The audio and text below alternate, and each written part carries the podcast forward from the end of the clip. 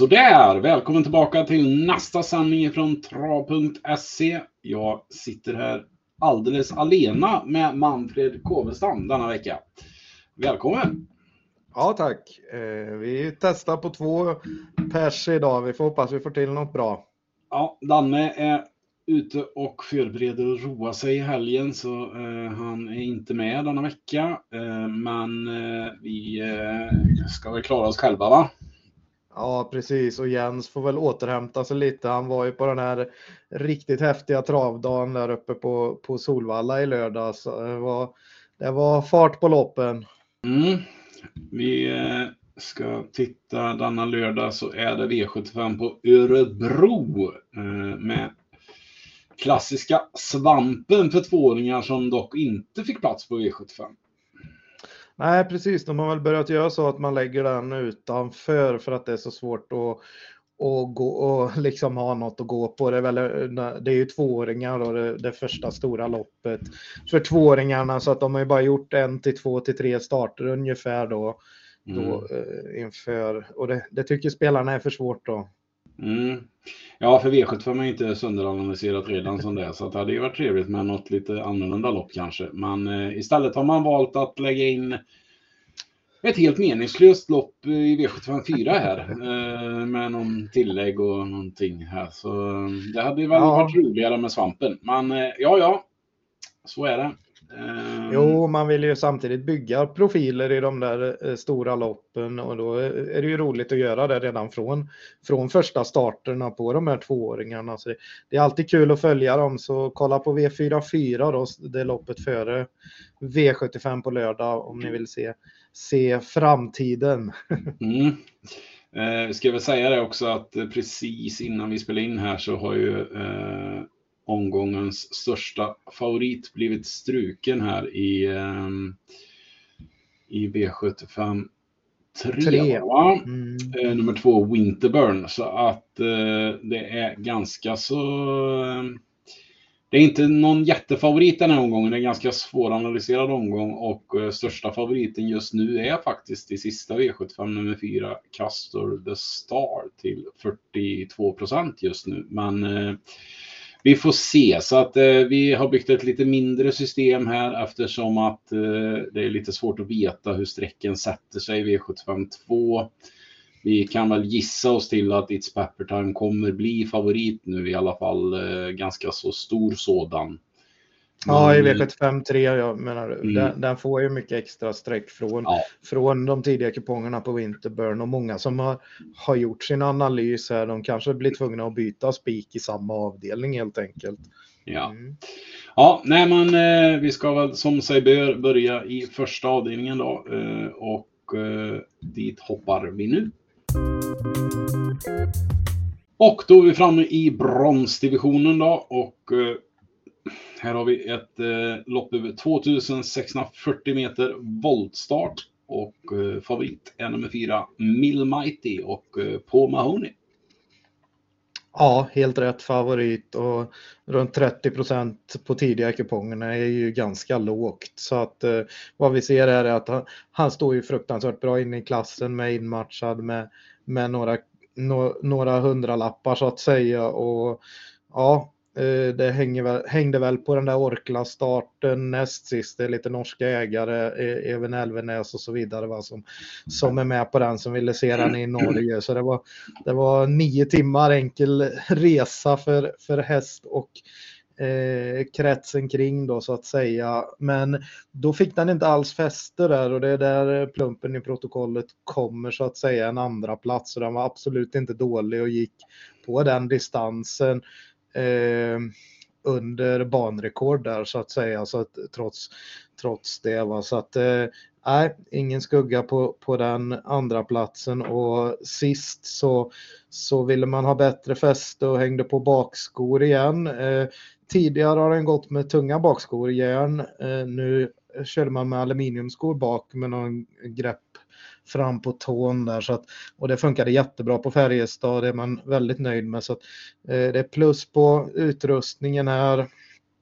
Eh, då man inte tyckte det fungerade jättebra på Jägersro med barfota runt om. Men han var väl ganska bra då ändå, eller hur? Mm. Det får man väl säga. Var eh, fjärde spår i volt.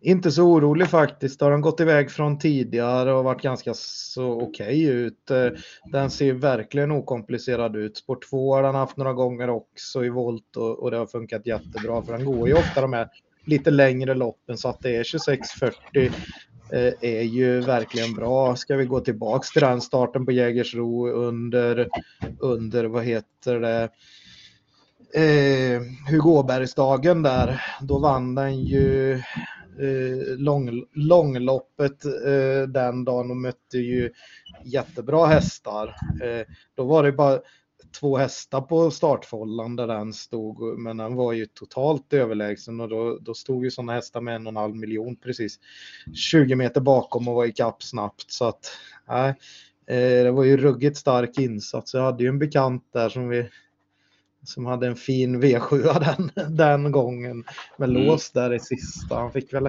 en halv miljon med den här. Eh, mm. Nej, så det är en häst som verkligen har följt en del. Vad, ehm, det låter som att du är lite inne på att lämna Milmighty ensam. Ja, känns som en jättevettig spik. Eh, vunnit fyra av sex i år, eh, tvåa i de andra. Eh, i fjol var det bara fyra starter på hela året. De startar ju inte så tätt med den. Eh, samtidigt så har det varit bra eh, bra nu en längre tid och man har kunnat träna på ordentligt så den har ju gått framåt enormt i år.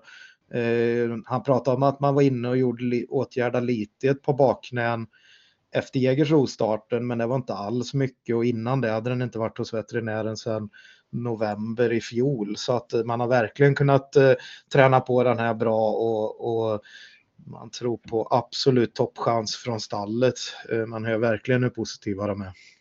Mm. Många streck också på sex Fat Rabbit med Örjan Rydén. Mm, det är Örjan från eh, springspår så det är klart att det är intressant. Men den här, eh, om vi nu pratar om eh, Eh, dåliga, dåliga i starten så att säga och galopprisk och så, så är det nog högre galopprisk på den här trots att den har ett jättebra spår.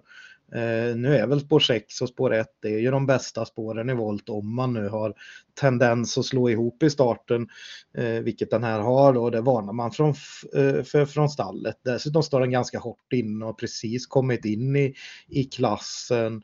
Eh, och eh, det var klass 1 han var ute i, i gången innan när han var sexa på V75 för tre starter sedan. Eh, mm. Nu har han ju fått två lopp i kroppen och vunnit lite enklare lopp. Men vi ser att han också har en galopp utav de starterna. Den har en, en galopp till i, i, vad heter det, bland senaste fem liksom. Så att eh, det finns betydligt högre galopprisk på den här än hos favoriten. Mm.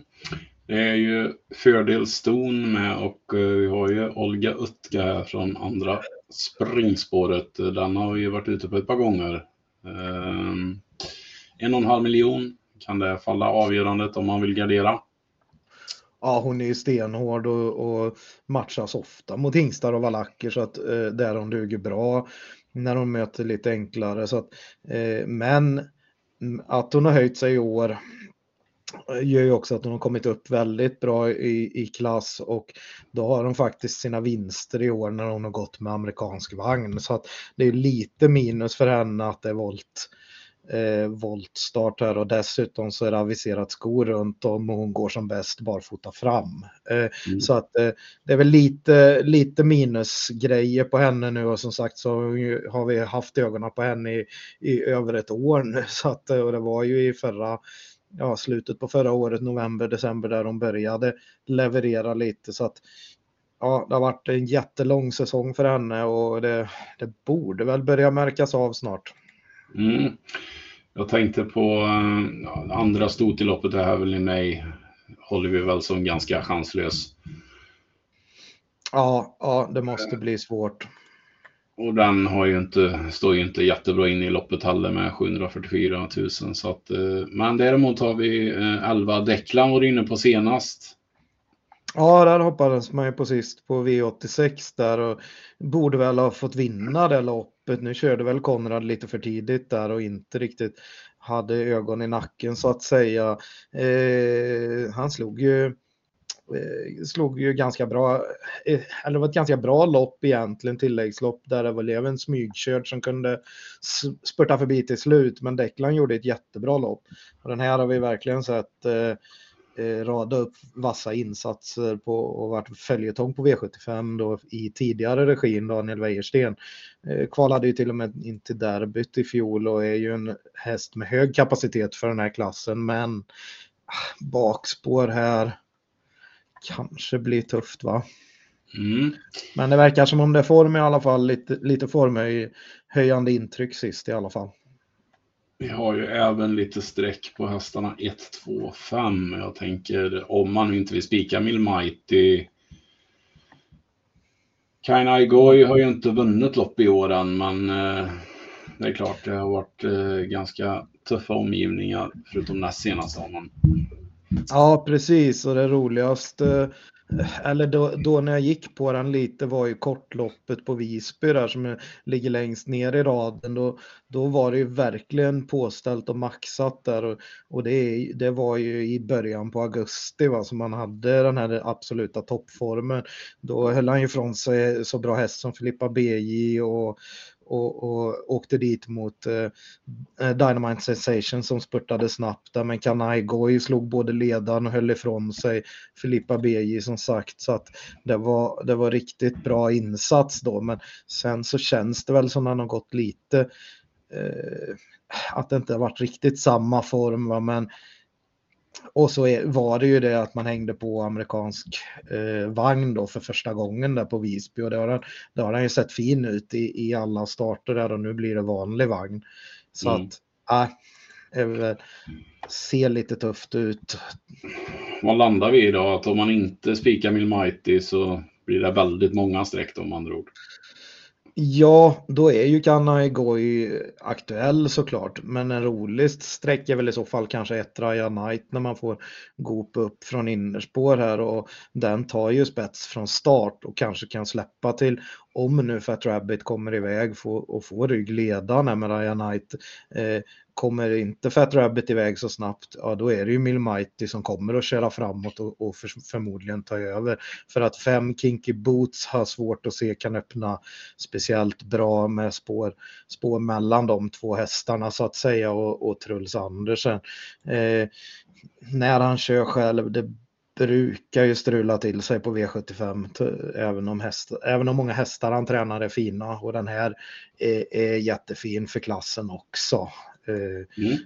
Vi kan väl säga där, eh, den starten på Åby sist var ju ett SM-lopp där det var lärlings-SM och då, då hade den ju spår 1 och kunde ju inte öppna alls bra, drogs ju, drogs ju bakåt men fick ju jättefina luckor till slut och Eh, man men satt väldigt långt bak eh, och spurtade ju jättefort långt ut i banan. Eh, och gjorde det jätte, jättebra. Så det var ju, det var ju väldigt fin form, men det, det var ju också för... Eh, ja, jag vet inte om det verkligen... Om det verkligen räcker här. Nej, femte spår i volt är, är svårt att komma iväg bra från. Så att eh, vi har väl någonstans landat i att vi tycker Milmighty är en av omgångens bästa spikar. Jag tycker verkligen det. Eh, men sen är det de som vi pratade om där bakom. En jätteskräll skulle kunna vara eh, åtta Lincoln A bok om nu Ryan Knight håller spets och Fat Rabbit försvinner så att säga. Då kanske, då kanske Lincoln Abe kan sitta i ryggledaren en bit och, och tredje inner som sämst där. Och, och, och den har verkligen visat full form på slutet här. Mm. Ja, vi eh, spikar i alla fall Mill Mighty med på Mahoney och så hoppar vi till andra avdelningen. Och ingen svampen, men här har vi lägsta klass 2. Lopp över 2100 meter autostart och vi har en favorit från spår 2 i nummer 2, Luca Di Quattro.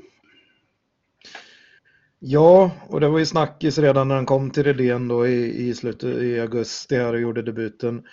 gjorde debuten där. Eh, då hängde man på amerikansk vagn direkt i första starten och, och det blev snackis mot så, så, bra hästar som Nighthawk och Sheriff Sund här på i den Solvalla-starten. Eh, då blev, gjorde han bort sig med galopp direkt och så hade man dåligt med poäng och fick gå ut i ett breddlopp som han vann. Sen har han varit bra i två starter. Eh, och eh, var ju ute i det loppet där Declan var, två, var tvåa då, så var ju Luca di Quattro ganska så klar favorit. Va? Och eh, gjorde väl ett klart godkänt lopp där från mellanfållan. Det är väl en vettig favorit att den är kvar i lägsta klassen, men, men jag tycker att det skiljer lite mycket på sträcken här, så det är inget roligt att gå på på han så att säga, för det är jämnt sträckat bakom och den är mer, långt mer än dubbelt så mycket sträckad som, som nästa häst i loppet och det är nog i, verkligen i överkant. Den är nästan tre gånger så mycket sträckad som många av, av inte så mycket sämre konkurrenter är om man säger så. Mm, vi var ju lite inne på åtta Joint Chief, men eh, jobbigt spår. Ja, du hade en som lite idé här och det är väl kanske till och med tänkbart lås eh, om man nu behöver snåla här och ville ha och hade fler streck i första. För jag tycker ju inte det är, är något läge att gå på Luca de Quattro. Men Joint Chief däremot Eh, var ju väldigt fin näst sist. Lite sämre i travet eh, gången efter där eh, till slut och dessutom blev man diskad för att man eh, trängde sig ut i en snäv situation i sista sväng där. Eh, hade väl varit tvåa, trea på V75 då och då hade den gått ur den här klassen. Eh, så att den står ju väldigt, väldigt bra inne och man har säkert eh, hittat lite, filat lite på den nu då inför den här starten och, och det är nog mycket bättre med medeldistans än långdistans då eftersom den höll på att falla ur travet till mm, slut. Mm, mm kan ju öppna trots spåret och man räds inte döden säger man från stallet. Så att, eh, det är väl, men det är, det är inte lätt att, att eh, bara gå och ta dödens på V75 och gå in även om det är lägsta klassen. Så att eh, du hade ju, jag tycker om man ska ha ett sparlöp så tycker jag du hade bra information på 5 Funko. Ja, precis. Man skulle kunna spela med tre streck egentligen. Eh, för för Funkio låter är ju väldigt uppåt på det. Där var det ju Eh, där var det ju faktiskt eh, första gången barfota runt om sist och man eh, vann ju på den balansen. Va? Och, eh, som med tränarkör då, där har, får vi massor med plus att det är Magnus A upp efter att ha varit tränarkörd i princip, ja väldigt ofta i alla fall. Och, och och eh, amerikansk vagn då eh, som den också gått rätt så bra med. Eh, nu blir det ju då första kombinationen bike och barfota runt om och den informationen du pratar om är väl det med, med att vi läste oss till intervjuerna här med, med att, att strykningen inte sist inte påverkar så mycket för man tappade inga, inga jobb på det. Eh, det var en liten sårskada bara så att eh, man kunde fortsätta att träna men man kunde inte ta ut den till start då helt enkelt. Mm. Nej, informationen som jag tänkte på var väl mer att det var den kombinationen barfota runt om bike och Magnus A. Djuse. ja. Eh, det... ja, att det blir så många plus ja. är ju jätteintressant såklart från ett, från ett toppspår också. Så att nej, de tre hästarna höjer ju sig en del här. Men vi väljer väl att sträcka ett par till ändå. Jag gillar ju det man såg på, på Rocky Brodde näst sist när, när han satt liksom fjärde ytter eller någonting och, ändå, och, ja, och, när man väl lyfte ut så hände inte så mycket med dem framför så att eh, till och med i sista sväng, mitten på sista sväng så ligger han väl absolut sist i hela fältet och sen bara blåser de över upploppet på Solvalla och det, det var ett ruggigt fint intryck eh, att vinna loppet så. Sen loppet efter då möter han ju övermakten vad det var Jaskall som var sådär väldigt bra ute i tredje spår och, och Star Cash som var verkligen ordningställd inför det loppet och gjorde ett kanonlopp i dödens. Star Cash kommer vi se som ganska betrodd i, i, i, en klass högre här lite längre fram kan man väl säga med tanke med det tilläggsloppet vi pratade om där. Eh, mm. Eh, Rocky Brodde vann klungan om man säger så bakom då och var trea i mål eh, ett par längder efter de två, två eh, väldigt fina hästarna där framme. Nu är det väl lite, lite enklare emot helt enkelt. och, och ett jättefint läge. Ja, och blir lite tryck på loppet så kan man kanske få se den där spurten som den hade näst sist då va. Eh, nej, den är nog väldigt bra för, för lägsta klassen. Så att, eh, aktuell till 6-7 procent här. Vi pratar lite om kluster också och markerar faktiskt den på sin startsnabbhet helt enkelt här. Men det fanns väl risk i tidiga intervjuerna att att inte hovarna skulle räcka till att kunna gå barfota. Men, eh, så man får hålla lite utkik där vad det blir för balans. Och Wäjersten har ju sån fruktansvärd form på stallet och den här är ju den här är ju startsnabb så den kommer ju få en bra position.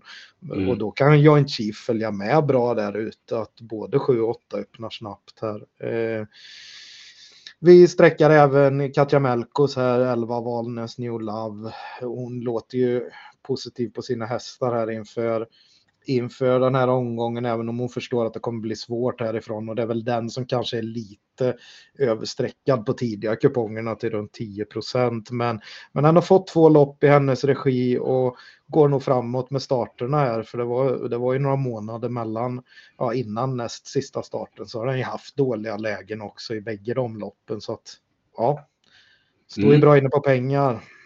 Mm. Eh, som sagt, vi sträcker sex hästar där då, men eh, 2, 5, 8 är väl de som höjer sig lite över de övriga då, och så kanske eventuellt tre Rocky Robbe. Ja, och ska man ha ett, ska man ha ett, har man råd till ytterligare ett par streck så, så finns det väl några som känns lite mer chanslösa här. Ska man ta med ett par till så är det väl 9 och 10 kanske. 10 som är åtgärdad sen sist, hade spår 12 då. Nu blir det barfota runt om och står ju bra, bra inne på pengarna så att säga. Eh, vi har Ben Hogan, häst nummer 9 där som, som har gått bra hela tiden på slutet och var slagen av en ganska bra häst på Axvalla sist där. Eh, Eh, och eh, ja, Krebas tycker att det är bra form och att eh, det ska kunna vara en skrällchans. Mm.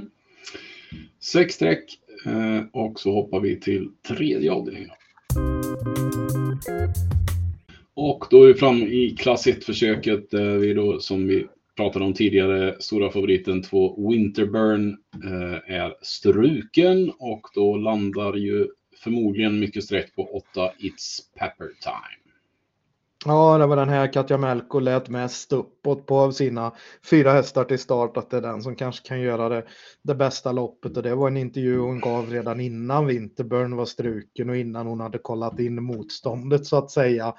Eh, nu när Winterburn försvinner, Winterburn var en vettig spik till runt 50 procent, eh, en kanonhäst för klassen, men Mm. eh, försvinner ju nu och då kommer ju både, då kommer ju allihop här ute ner ett spår och det gynnar ju ett Pepper Time såklart som inte är så startsnabb utan få tugga på där ute så det kan ju bli vingel för favoriten och vi är inne på att den kommer nog att bli lite överstreckad eh, med tanke på att den får ju många extra streck för det är många som kommer att rita i Winterburn ändå som inte märkt att den är struken så att säga och det är många som har byggt sina andelsspel redan och så att den blir struken framåt lunch på, på torsdagen eh, då, då kanske det kommer att ramla mycket streck på första reserven som då är It's Pepper Time. Eh, Nej, It's Pepper Time har en jättebra chans eh, och står ju väldigt bra inne i klass 1 fortfarande. Det är en ganska dålig klass 1 bakom, eh, bakom dem så att säga. Så att det är klart att det är en given första häst. Men vi har ett roligt motbud och vill ju spela med ett motbud när det, när det kommer att bli, bli kanske lite överstreckat på favoriten. Så att det kommer bli vårt eh, lås i omgången här. Mm. Och det är då nummer sju, Galliano Peak, som du pratar om. Ja, precis. Och där fick man ju... Då får man ju en startsnabb häst va, som blir nedstruken till spår 6 nu till att börja med. Och jag är inne på att den kommer kunna spetsa mot de här. Eh, öppnade väldigt bra på Åby i, eh, vad heter det här, eh, ungdoms-SM då va. Eh, och sen var den ju fast med ganska mycket sparat där bakom. Såg det ut som den, den gick upp där väldigt bra i rygg på, på hästarna framför. Så att, eh, tycker att det är vettigt att få den i spets. Var det, på tidiga systemen ska vi säga att det bara är 2-3 procent mm. eh, på ett spetsbud här. Eh, som dessutom gick då med framskor sist och, och, nu får gå barfota runt om och det, det är ju verkligen något man gillar när Flemming rycker alla skorna ja, på sina hästar. Det brukar, det brukar funka väldigt bra.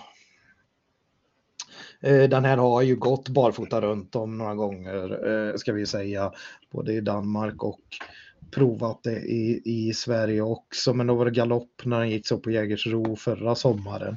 Så att det är ju mm. inget som, det, det är ju inget som är verkligen Nej, nej, men det är alltid positivt när Fleming rycker skorna och det med nio segrar på 29 starter inger viss, viss respekt ändå. Så att, eh, Ja, den står väldigt bra inne i klass 1. Uh, eh, verkligen inne på att det kan vara en rolig, rolig spetshäst. Eller om nu Kontio får iväg ett Peppertime bara hyggligt och, och, och blir hängande där ute i tredje spår så kör han väl bara framåt. Då finns det också chans att man kan släppa till en sån rygg och ta den på den där speeden till slut. Sen fick ju lite krafter sparat som sagt sist i, i ett SM-lopp då.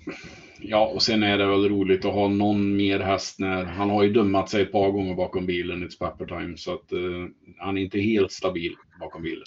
Nej, precis. Så har man då bästa hästen och spetshästen, det är ju ett, det är ett sånt där klassiskt lås mm. man, vill, man, man, vill ha. Va? Och det känns ju som att flera av dem där framme eh, kanske inte är så startsnabba.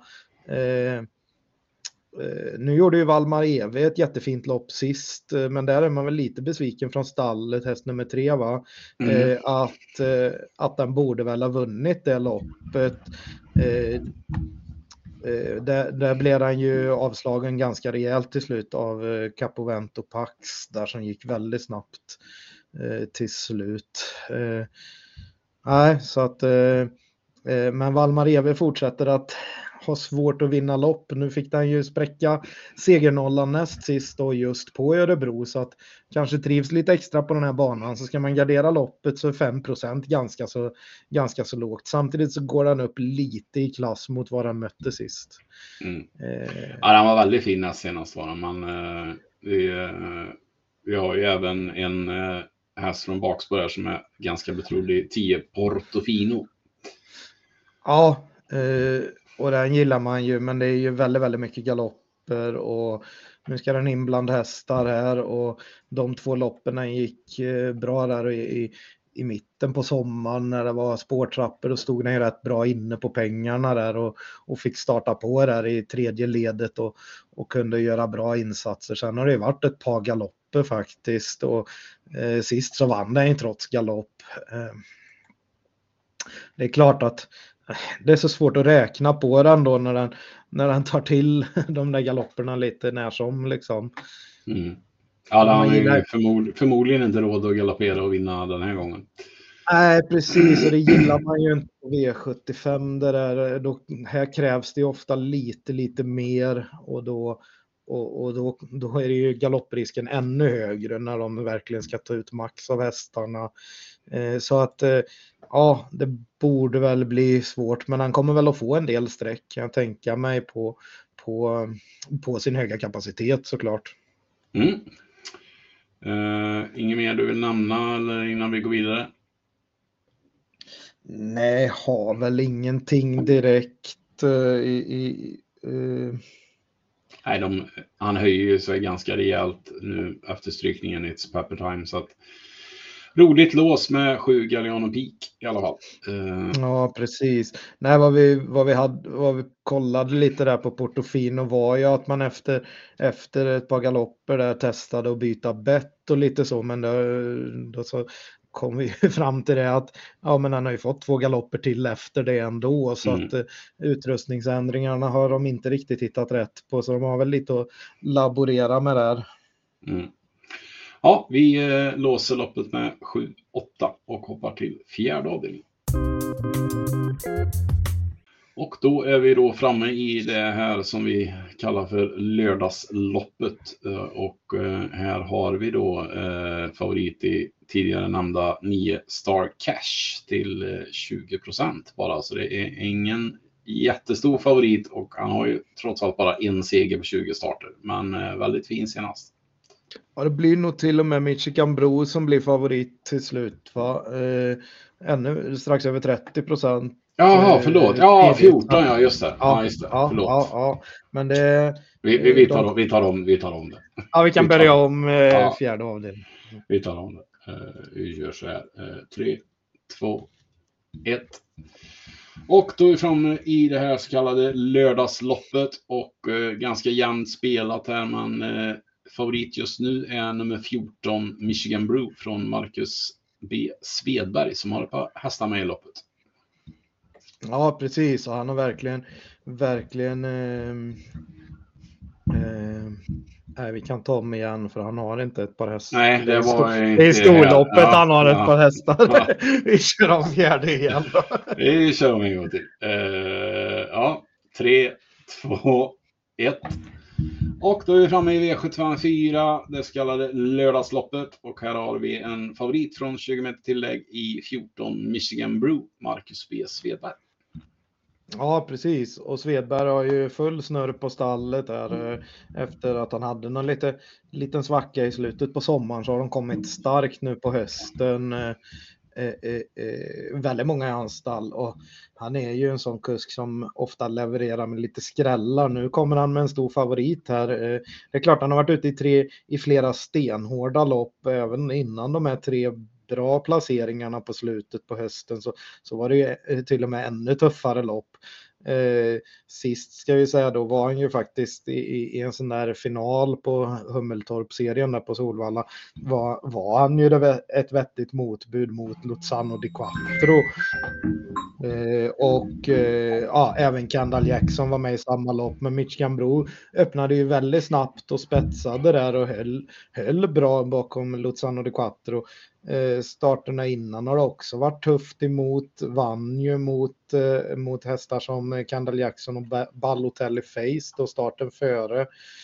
Eh, ja, nej, jag tycker absolut att det är en bra häst och gör, gör gedigna insatser hela tiden. Både kan öppna bra och, och gå tunga avslutningar så att eh, är väl rätt favorit. Men att det blir, om det blir så här hög procent som 36 procent så är jag väl inne på att vi ska gardera honom för det är inte lätt att ta ta 20 meter tillägg på hästar som har upp till 300 000 där framme. Han har själv fått ganska så snabba pengar på kontot också. Mm. Vi har ju en eh, som vi nämnde tidigare här i nummer 9, Star Cash med Adrian Collini som var väldigt uppåt senast. Ja, precis. Och då körde Dante och de pratade om att det var bästa hästen i loppet och så vidare. Nu var det ju inte det, utan Jaskall plockade ju ner den med tredje spår, en lång repa i tredje spår där. Eh, de två höjde sig lite över övriga i, i det loppet. Det var ju där vi pratade om Rocky Brodde då, som är kvar i, i lägsta klassen och att detta är ett lite tuffare lopp då. Eh, nu är det ju bakspår på, på, på startfållan här med många hästar och man växlar ju ner då från amerikansk vagn. Samtidigt eh, så växlar man ju upp då med att Adrian kanske är något vassare än Dante, framförallt mer rutinerad. Eh, och, Eh, och hästen står perfekt inne på kronan här på, på startfållan och funkade ju bra med, med resa sist och så vidare. Jag har varit på Solvalla och Eskilstuna på slutet här var Solvalla tidigare igen. Eh, är väl en väldigt bra häst för det här loppet. Men den vinner ju inte speciellt ofta så att vi Nej, vi garderar nog vidare men den är väldigt tidig i Star Cash. Mm. Vi skulle säga det att det är ju ändå ganska så skiktat lopp det här. Eh, trots att det är 15 hästar med så är det ju, är det ju några som kanske känns lite mindre sträckvärda än eh, vissa andra. Men en fin är ju 8 Västerbo Blizzard som Fredrik Wallin har. Ja, till och med ny i hans regi här va, så att det är väldigt svårbedömt men man får ju räkna med Eh, om vi pratade om eh, höjning på, eh, på Svedbergs stall här under hösten så får man väl säga att det har varit rejäl höjning på Fredrik Wallins stall hela en längre period nu. Så att ja, det är verkligen bra snurr på, på djuren där och det här är ett jätteintressant nyförvärv han har fått från, från vad heter det, ja, Niklas Westerholm har ju haft den och sen så har han stått på ett par andra namn här som tränare utan, men tränats där då på, på och, och, att det nu kommer ut i, i, för Fredrik Wallin då är ju jätte, jätteintressant. Nu har han väl inte hunnit göra så mycket med den här utan eh, man får väl bedöma den på lite gamla meriter och, och den är faktiskt rätt bra. Eh, kan ju tända till på bara miljöombyte och dessutom så är det ju superintressant med Magnus A upp liksom. Det blir, den har ju väldigt ofta varit tränarkörd tidigt, tidigt i karriären där. Mm. Och sen, sen har det varit lite olika kuskar på den så att det är ju ett stort plus när Magnus A kör. Mm. Spår 8 gillar vi ju voltstart med även om det nu kanske eh, inte är, är, är det här jättebra läget nu när man inte har en, en så hårt betrodd från spår 1 så att säga som kan spetsa. Eh, man kan ändå komma igenom bra och få, få ett par svängar på innerspår så att jätteintressant på den. Eh, vi pratar om springspår på eh, Sagittarius. Eh, här, här gick den ju bra med amerikansk vagn näst sist och, och, så det blir lite att man växlar ner nu. Eh, galopp sist på, på Solvalla, då hade man, det var och, samma lopp då där Star Cash blev, blev tvåa va, så var den här eh, var väl den här eh, en del spelad från eh, bakspår men då blev det galopp helt enkelt. Ja. Nu, är det, ja, nu är det ju springspår och så, va, så att det, är väl, det är väl troligt att man kanske kan köra sig till spets från det läget. 6% är ju ganska lågt om man skulle komma till ledningen. Mm. Har vi något mer där framme som, jag eh, vet vi pratade lite om eh, tre Oliver the Boss som också drar lite streck. Ja, det är väl eh, en häst som inte heller vinner så ofta men som ändå höjt sig lite i år och på slutet också ett, ett formstall i Kristoffer Erikssons här som, som går bra.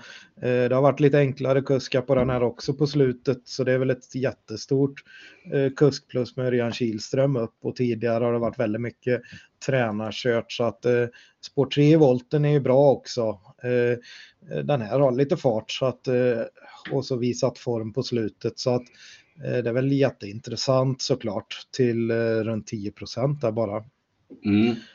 Eh, jag skulle säga att det känns ju ganska så bra täckt med de här fem strecken som vi Ja. Som vi har pratat om nu, vi pratade lite grann om fem Rapid Pal, men vi var väl inne på att vi tyckte 10% var lite i överkant från femte spår i volt.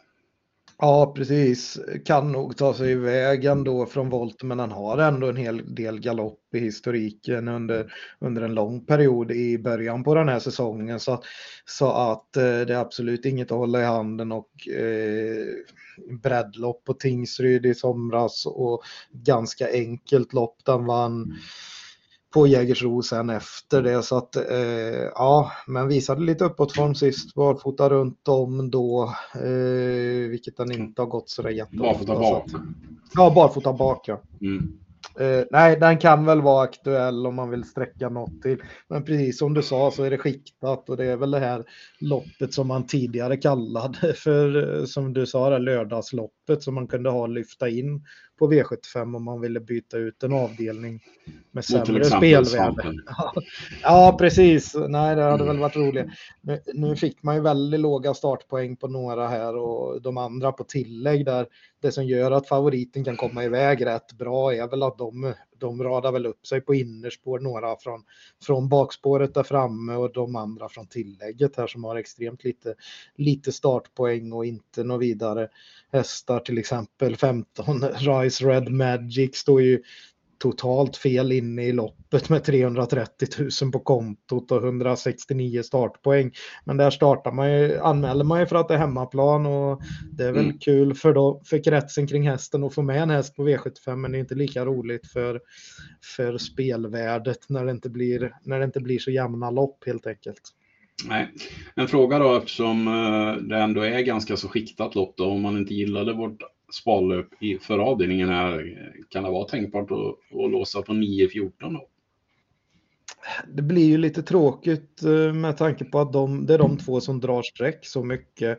Eh, kanske i så fall att man ska blanda med trean i, i någon form av lås och stänga på, på 14-3 eller något sånt där. Eh, eh, kanske något sånt i så fall eller, eller liksom 3-8 14 att man kanske ska ta ställning mot Star Cash som kommer att dra mycket streck på att, på att Adrian, eh, Stalcolini gick så bra nu och så vidare. Men, men ja. det är ju ett jättebökigt läge och vi ska komma ihåg att spår 9 i volten, då har man spår 2 Eh, på bak, bakom de andra så att säga.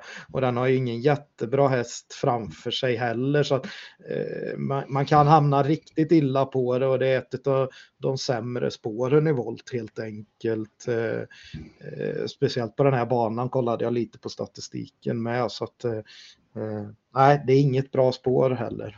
Så att, det är att ta lite ställning mot Star Cash i så fall om man vill gå riktigt kort.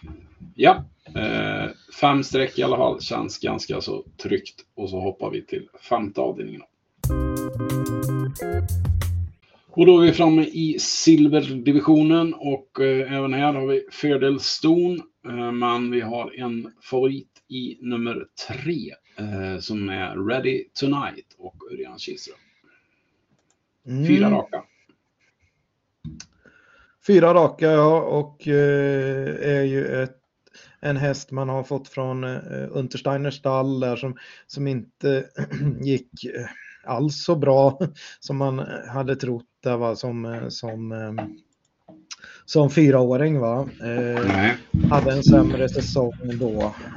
Nu körde han väl in nu körde han väl in, in ganska lite även som femåring men mm, nej, Eh, Eh, det har varit i nya regi när Daniel Redén den har tänt till lite och det är klart att, eh, att den ska kunna hamna bra på det här men eh, jag är väl inte inne på att det är något spetsbud eller något så här så att nej, äh, känns som att det är en favorit man vill försöka fälla va? Mm, inget spetsbud säger. Den är ju startsnabb men vi har ju en utvändigt här som är ännu mer startsnabb. Ja, det är det jag tänker på. Att mm. uh, Åke Lindblom på hemmaplan här med fyra power dock är den som kommer att trycka av ordentligt från start. Och det är det som kanske kan också ställa till det då lite för favoriten att, uh, att man får en rejäl öppning här om man nu vill köra mot ledningen med tre ready tonight. Så, som också kan öppna. Uh, vi har även startsnabb 6 Sayonara. Men ser han att de trycker av så är ju Jeppson ganska så snabb på att ändra taktik och, och här fick man ju startgalopp sist men då drog man ju tillbaks på, sko, på skorna här och, och nu är det aviserat barfota runt om istället så att det är väl det är väl bra för den. så att eh, mm. ja, kan hamna bra på det men det är ju lite frågetecken för formen då. Mm. nolla och diskad på slutet då. Så att eh, nej, eh, vad jag är inne på är att man kanske kan ta ställning här och gå på Kapten Brodde, häst nummer åtta. Eh, mm. Som är en minst lika bra häst som favoriten här. Eh, vi har, eh, den har liksom vunnit 13 av 19 starter. I år har den 5 på 7 och, och de två plumparna i protokollet så att säga är andra plats. Eh, kört in 600 000 i år. Det är en häst som verkligen har tänt till som äldre och den har ju varit lite skadedrabbad så att, eh, så, som yngre så att den har inte riktigt kommit upp i, i de pengarna den ska ha. Jag tror att distansen är bättre för den också. Det är 2609 meter jämfört med för favoriten så att säga som, som kanske är gynnad av, hade varit mer gynnad av medeldistans. Eh, Nej, jag, jag gillar Kapten Brodde och även den här kan öppna. Eh, där har vi Magnus A och han kommer väl försöka hitta ner i vettigt slagläge då, men är det så att, så att han blir lite hängande och det är Power Dock som kommer till ledningen så kanske han kör fram och tar dödens. Mm. Jag skulle säga det med att uh, Ready Tonight gjorde ju faktiskt ett väldigt bra lopp under Elitloppshelgen där uh, över lång distans. Men uh, det är lite skillnad på motstånd den här gången kan jag tycka. Um, plus att som du sa, Power Dock kommer ju startsnabba och Åke Lindblom är väl knappast intresserad av att släppa ledning på hemmaplan. Ja, precis. Vi ska nämna, om vi nämner det loppet så var det faktiskt en, en spårtrappa där han stod väldigt, väldigt bra inne på, på ja. pengarna med en miljon mot, mot många hästar med runt 500 000 där framme. Så att eh, ja. det är lite skillnad på motstånd nu och eh, ja, Kapten Brodde är nog, jag, ska, jag, jag, tror att Kapten Brodde är en bättre häst helt enkelt. Så att, och, och grejen är att man får så högt spelvärde då när det, när det är bricka 8 men eh, det, det, brukar ju, det har ju en tendens att inte öppnas lika fort och inte bli lika ryckigt kört när det är lång distans också. Och, och, och det kan passa Magnus A att han kan lägga upp taktiken lite som han vill här. Eh, ja. Jag gillar Nej, du, har ju, du, du, har ju rätt i det att, eh, att Kapten Brodde är väl den som är mest gynnad av distansen i loppet. Så kan vi ju ja. säga. Mm. Ja, och eh, jag är lite besviken helt enkelt på Power Doc. Jag trodde den skulle vara bättre sist med ett lopp i kroppen och eh, nu är det väl ingen skam att, att, bli passerad av Kagan till slut, men, men jag tycker nog att han borde försvarat sig något bättre och kanske vunnit det loppet. Men eh, Eh, ja, med det sagt kanske man har siktat mer hit och den kommer att vara vässad för att gå ett, ett, bra lopp i spets. Men, men då är vi ju inne på att det kan bli lite körning mellan 3 och 4 och att då Kapten Brodde är ännu mer distansgynnad och, och, kan plocka ner dem. Ja, eh. jag eh. kanske uttryckte mig lite luddigt. Jag menade mest distansgynnad av 3 och 8 såklart, för det finns ja. andra hästar här som är distans. Power Dock är också gynnad av distansen och även 5 Under Armour som jag är lite sugen på är också bättre över längre distanser. Så att, eh, men ja, det är klart. Absolut. Är... Eh, och, och ska man gardera vidare i loppet så är ju Under Armour eh, som vi har snackat om med de här fina avslutningarna så är ju den jätteintressant. Den har ju gått väldigt sällan i amerikansk vagn och fick ju vinna på den sist på en 10-tid för tre starter sedan då va. Eh, mm. när han var ute på kort distans och fick lite fa fart i benen med, benen med. Men eh, den är ju som du säger gynnad av den långa distansen och den kommer fälla många till slut här om, om det blir den här väntade körningen. Men eh, mm. Man har ju sett Magnus A styra loppen från dödens tidigare och jag tror att det kan vara ett sånt upplägg på gång här. Mm. Vi har även, eh, som vi sa, fördel Ston eh, för sex Sayonara, men även för nummer 10, Barbro Kronos, som eh, eh, ja, hon vinner inte så ofta, men eh, hon gör bra lopp nästan varje gång. Ja, hon matchas ju i absolut stenhårda gäng hela tiden med tanke på att hon har kommit upp i 4 miljoner och, och Marcus B. Svedberg har som sagt snurr på stallet. Eh, den här var ju faktiskt trea i, i, i öppna SM sist, va? näst sist och eh, mm. sen var den ute i, i eh, stoeliten nu eh, förra helgen va? Mm. Eh, det var svårt att ta något i det loppet sist och eh, Mm. Uh, nej, men det, det, är faktiskt rätt intressant med 10 på, på henne mot det i, i det här gänget för att ska man gardera loppet så ordentligt, ja då bygger det ju på att det ska bli ordentlig körning. 3, 4, 6 kanske kör en bit, eh, eh, Kapten Brodde kommer framåt och, blir det att någon vill försvara dödens en bit så kan det bli fortsatt bra tempo liksom när de ska ta sig fram hästarna här. Eh, och sen så kommer det att gå, bra, gå på bra i, i tredje spår. Det, det är hästar som tål att gå i tredje spår så skulle kapten Brodde backa ner eller hitta ner ett, ett slagläge så, så kommer han ju gå bra till slut. Det, då kommer ju de här andra armor och Kapten Brodde och göra jobbet ute i tredje spår och då kan ju, kan ju de här hästarna som Barbro Kronos och Sayonara få fina ryggar och, och gå mellan hästar och, och spurta snabbt till slut. Va? Mm. Eh, men vi gör så att vi lämnar åtta Kapten Brodde ensam för stunden eh, som är tänkbart singelsträck i omgången och så hoppar vi till sjätte avdelningen. Och då är vi framme i diamantstot. Och eh, här har det var, vi... Det var en djup suck. diamantstot. ja, det är inte min favorit. Men eh, som vanligt. Oj, nu hoppa.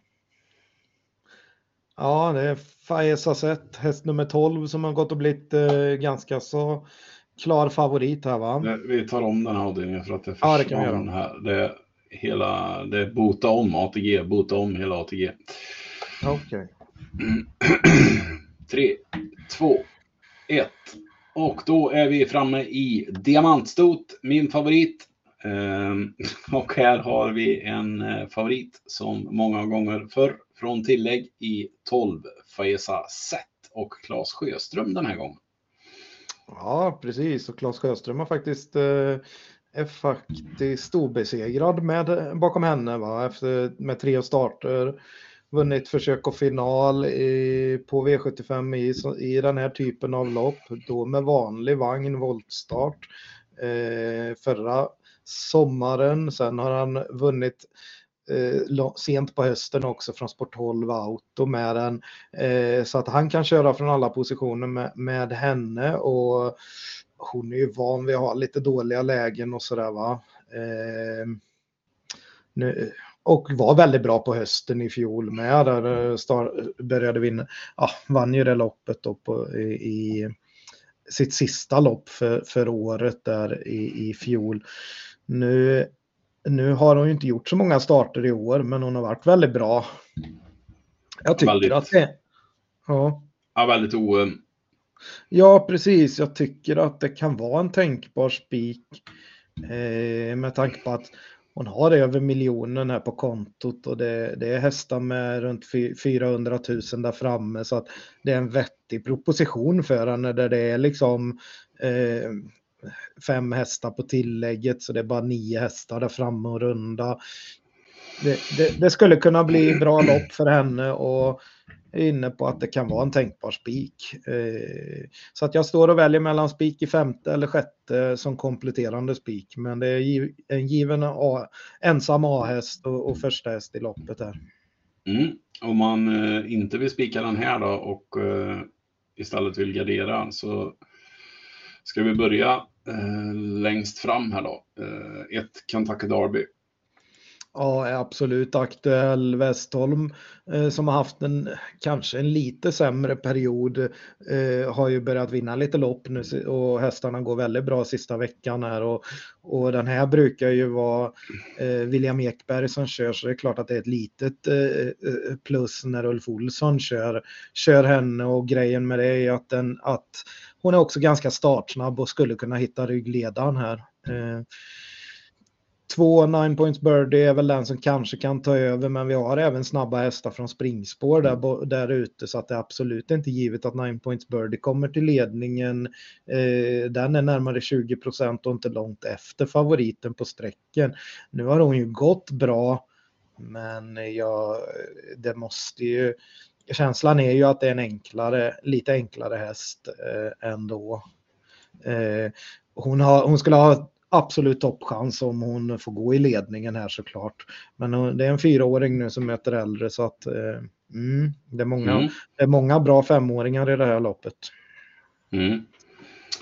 Uh, ja, uh, tre Make It A Star, en av Svedbergs uh, många hästar här. Han har ju ett par stycken i det här loppet. Um...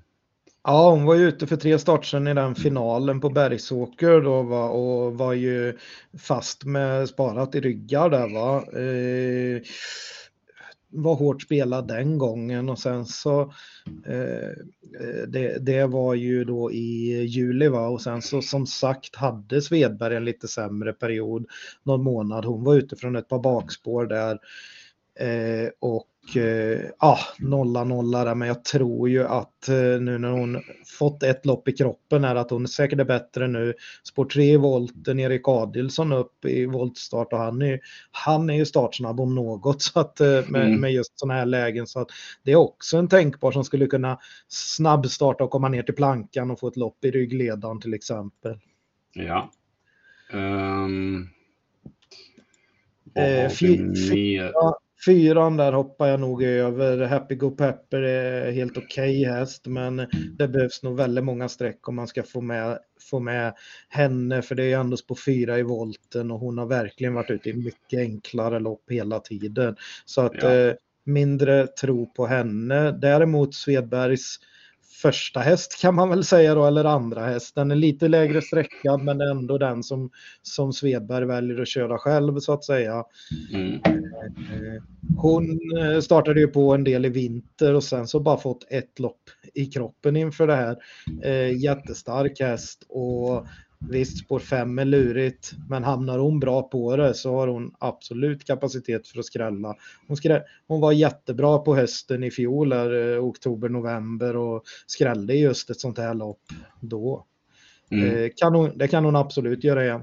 Den vi pratade om som är väldigt startsnabb, eh, Sex Queen. Mm. Eh, där, var, där var vi lite förvånade att Örjan inte körde favoriten här i Faiza Set. Utan att han istället väljer att köra den här då. Mm. Eh, åt Jennifer Persson. Och det här är en häst som varit hos Goop tidigare och då varit väldigt startsnabba. Ja. Eh, vunnit en del lopp ifrån spets men när det har varit lite tuffare emot så är det nog kanske ryggledaren som vore det bästa. Men eh, hon kan absolut gå i ledningen eller ryggledaren här och nu är det ju intressant att det är det är väl första barfota runt om i hennes regi va? Mm. Ja, precis.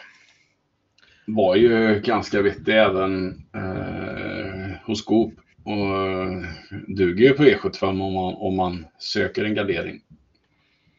Ja, verkligen. Eh, mm. Och vi fortsätter väl att tugga av dem här. Eh, vi har, apropå Björn Goop, så, så kör han eh, 7 Jiggy. Det är också en häst som borde kunna komma iväg bra från, eh, från eh, springspår. Va? Fredrik ja. Wallin har vi pratat om, eh, har bra snurr på stallet. Den här står ju väldigt bra inne på, på pengarna här på tillägget. Inmatchad med ett par tusenlappar. Eh, 9 procent är väl rätt så vettigt. Eh, grejen med henne är väl att hon inte vinner så ofta men vi kan ju se att hon har varit ute i absolut stenhårda lopp här som unghäst och kvalat in till, till vad heter det, eh, drottning Silvias pokal där hon, eh, där, där hon tog pengar. Där eh, det var ju hästar som Joviality och Kyla Westwood liksom som, som inte gick att slå såklart. Eh, så där är hon väl ursäktad. Hon har varit ute på i, i vad heter det, storsprinten. Där kvalade hon också in till finalen mot, mot kulltoppar. Så att när de här som har varit ute och matchat mot kulltopparna kommer ut i den här typen av diamantsto så brukar det bita rätt så bra när de har mött liksom miljonärer gång efter annan.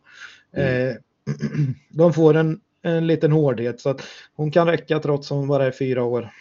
Mm. Åtta Miking har vi väl snackat lite om. Eh, var man väl besviken på Kalmar där eh, tidigt i somras när de bara blev tvåa. Hon var ju ganska så hårt betrodd och vi trodde väl hon skulle eh, komma till ledningen men hon blev ju inte släppt i spets. Hon gjorde ett bra lopp utan på Miss Chavigny och gick bra då, och, men som sagt bara tvåa och sen har det varit lite sämre form hela, hela sommaren även om hon eh, i starten efter kval, faktiskt kvalade in till storchampionatet så att även hon har ju försökt att matchas mot, mot eh, kulltoppar men sen har det varit lite sämre resultat så att eh, mm, kan mm. komma igenom bra och skulle kunna vara en skräll 2%, under 2 är väldigt lågt på henne. Mm. Vi har väl något mer på tillägg här som vi vill prata om förutom Faiza Zet?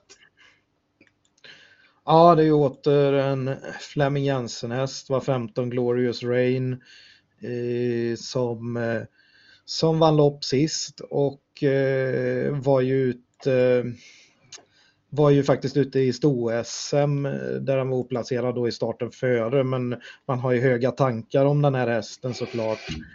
Eh, vi ser ju vilka extremt låga odds den står i när han startar i, på hemmaplan i Danmark och, och så den hör ju verkligen till absoluta, ja, det är väl kanske en av Danmarks bästa ston helt klart. Och, eh, men nu är det ju spår 5 på tillägget och Fleming har ju en tendens. Nej, det är spår 6. Ja, det blir det kanske. Ja, tre. Mm. ja precis. Ensamt springspår på tillägget blir det till och med. Eh, då, men det blir ändå så att Fleming, jag vet inte riktigt om han laddar han här, då kan det bli hängande. Backar han, ja då kan det, då kan det bli så där, han ligger och sladdar en bit bakom som han gör ibland. Mm. Borde väl chansa och ladda då med tanke på springspråk. Men 18 procent måste väl vara lite i överkant va? Ja, det känns lite högt om man jämför med favoriten Faisa Zat som har 26 procent. Mm. Jag tycker ändå att en intressant häst eh, på tillägget där är Benita Winner här med Jeppson upp. Eh, tycker hon går bra mest hela tiden. Hon är väldigt eh, stabil och så. Och hon är verkligen van vid att, att möta lite tuffare motstånd med så att säga. Mm. Ja, det blir eh, tänkbart spikförslag då på 12 Faisa sätt eller väldigt många. Så kan vi, så kan vi säga. Ja, precis, nästan hela fältet kan man eh, hitta argument för att sträcka. Eh, vi kan väl säga att Tacheri och Dior Lille 10 och 14 står lite hårt inne på, på tilläggsfållan här, men eh, i övrigt i övrigt så, så går det som sagt att hitta bra argument för i princip alla i hela loppet här. Mm. Ja, vi har en avdelning kvar att avverka och den tar vi nu. Och det är då veckans gulddivision och eh, här har vi då omgångens största favorit i fyra Castor the Star som eh, blir eh, favorit efter förra veckans seger i silverdivisionen. Men nu är det guld. Ja, precis.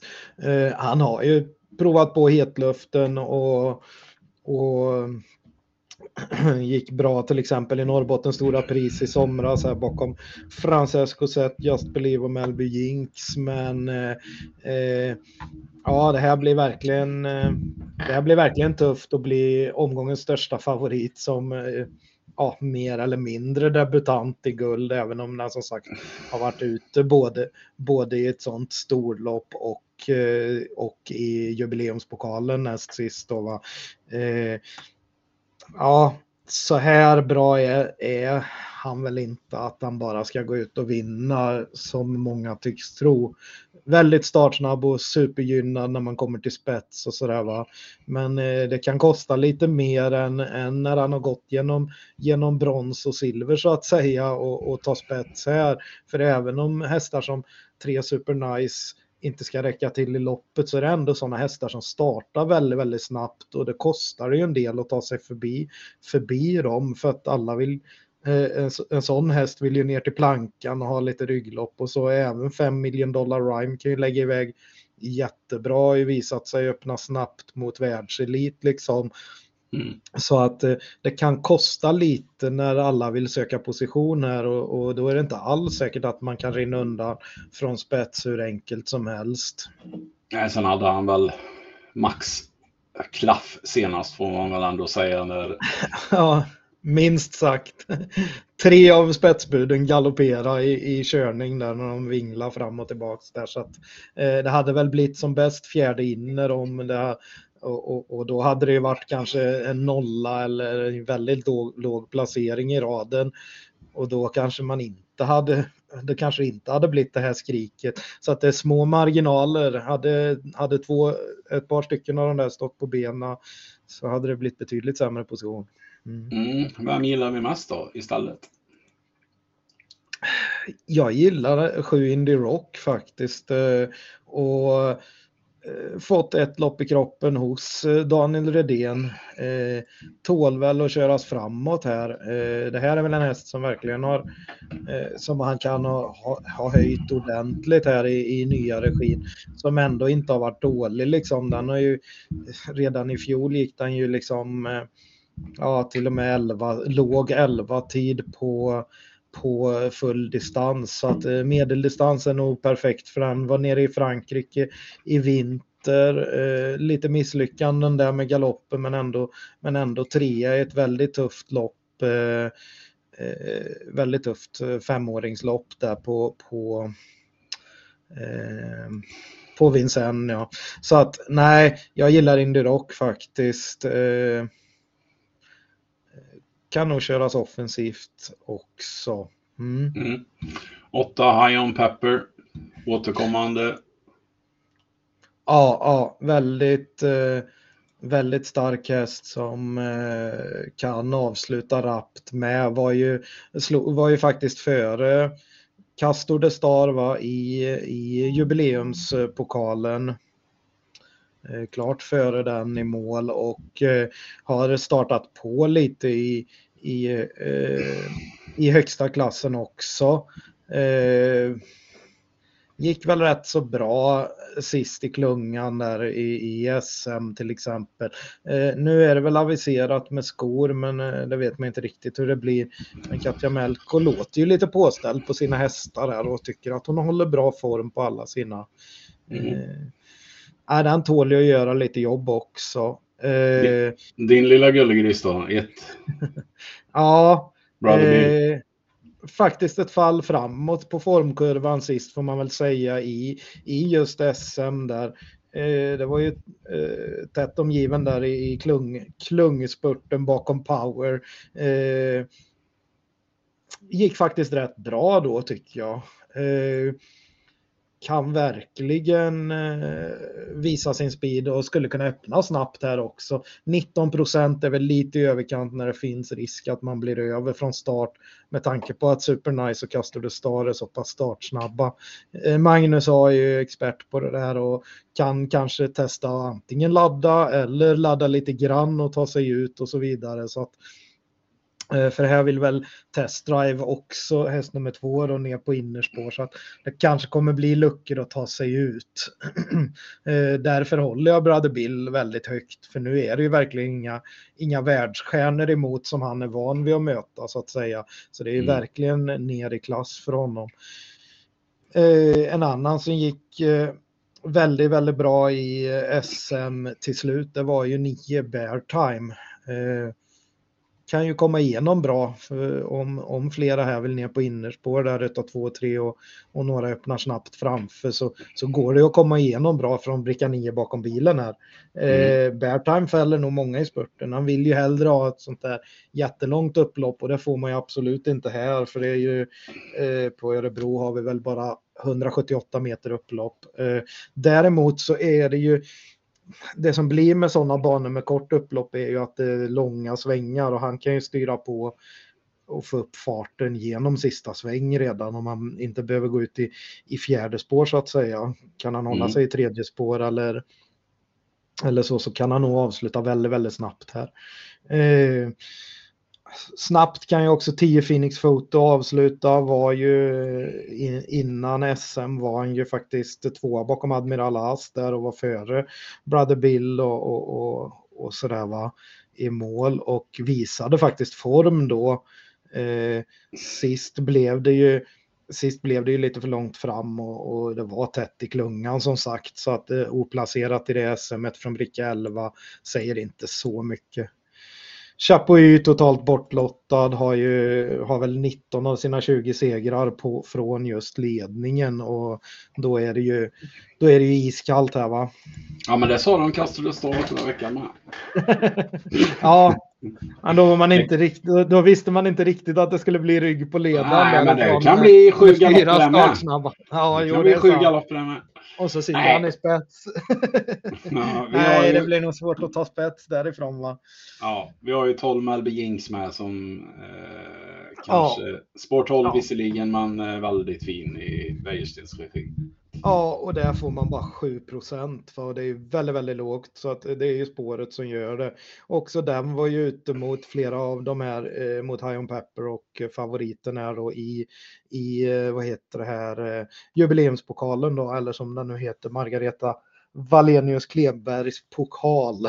Mm. eh, nej, precis, och där, där gick den ju bra, men där tryckte man inte av från start. Den är ju väldigt, väldigt startsnabb, så att den är också missgynnad av läget såklart. Eh, men eh, Wäjersten har vi sett försöka hitta på lite luringar från bricka 12 på, på, på, bakom bilen tidigare och skulle han komma ner något spår här och, och hitta in med rygg på, på, på favoriten eller million dollar rhyme och, och, kunna skicka in mellan hästar så, så, så kanske man kan få bra position ändå från sport 12 här om man chansar lite. Mm. Eh, det, är ju in, det är ju inte favorit på att det ska bli så, men till 7 så, så vill man ändå sträcka en så bra häst som, som, som Melby Jinx ändå är. Mm. Ja, eh, då har vi fått ihop en kupong då eh, som ser ut som följer. Eh, vi inleder då med spik på fyra Almighty, eller Millmighty. Mill- Mill. Millmighty. Spik på fyra Millmighty som vi också tycker är en av omgångens bästa singelsträck. Och andra avdelningen då eh, sträcker vi hästarna 2, 3, 5, 7, 8, 11. Eh, tredje avdelningen så låser vi på hästarna 7 och 8. Eh, och eh, fjärde avdelningen blir då streck för hästarna 3, 6, 8, 9, 14. Vilket känns ganska så heltäckt eh, på endast fem streck. Avdelning 5 då tänkbart singelsträck i 8 Kapten Brodde. Avdelning 6 tänkbart singelsträck på 12 Fayesa Zet. Och så avslutar vi då med sju streck i sista avdelningen på hästarna 1, 4, 7, 8, 9, 10 och 12. Och då landar vi på 420 grader, 210 kronor. Och eh, det gör ju då att du har råd att gardera en av de här singelsträcken. Eh, hur Ja, det nu precis. landar sen framåt. Lördag där, vi har ju lite ovisst där eh, angående tredje avdelningen där som storfavoriten ströks. Men eh, vi har ju andelar ute och de eh, heter vad och hittar man vart? Ja, det kommer bli eh, det för 200 kronor den här veckan och det är trav.se med stora bokstäver ihopskrivet följt av 200 i siffror. Mm. Och eh, du hittar även några fler andelsspel inne på trav.se under andelsfliken där. Eh, så önskar vi alla lycka till med spelet på lördag då och så hörs vi igen nästa vecka. Ha det bra! Säger vi. Tumme upp!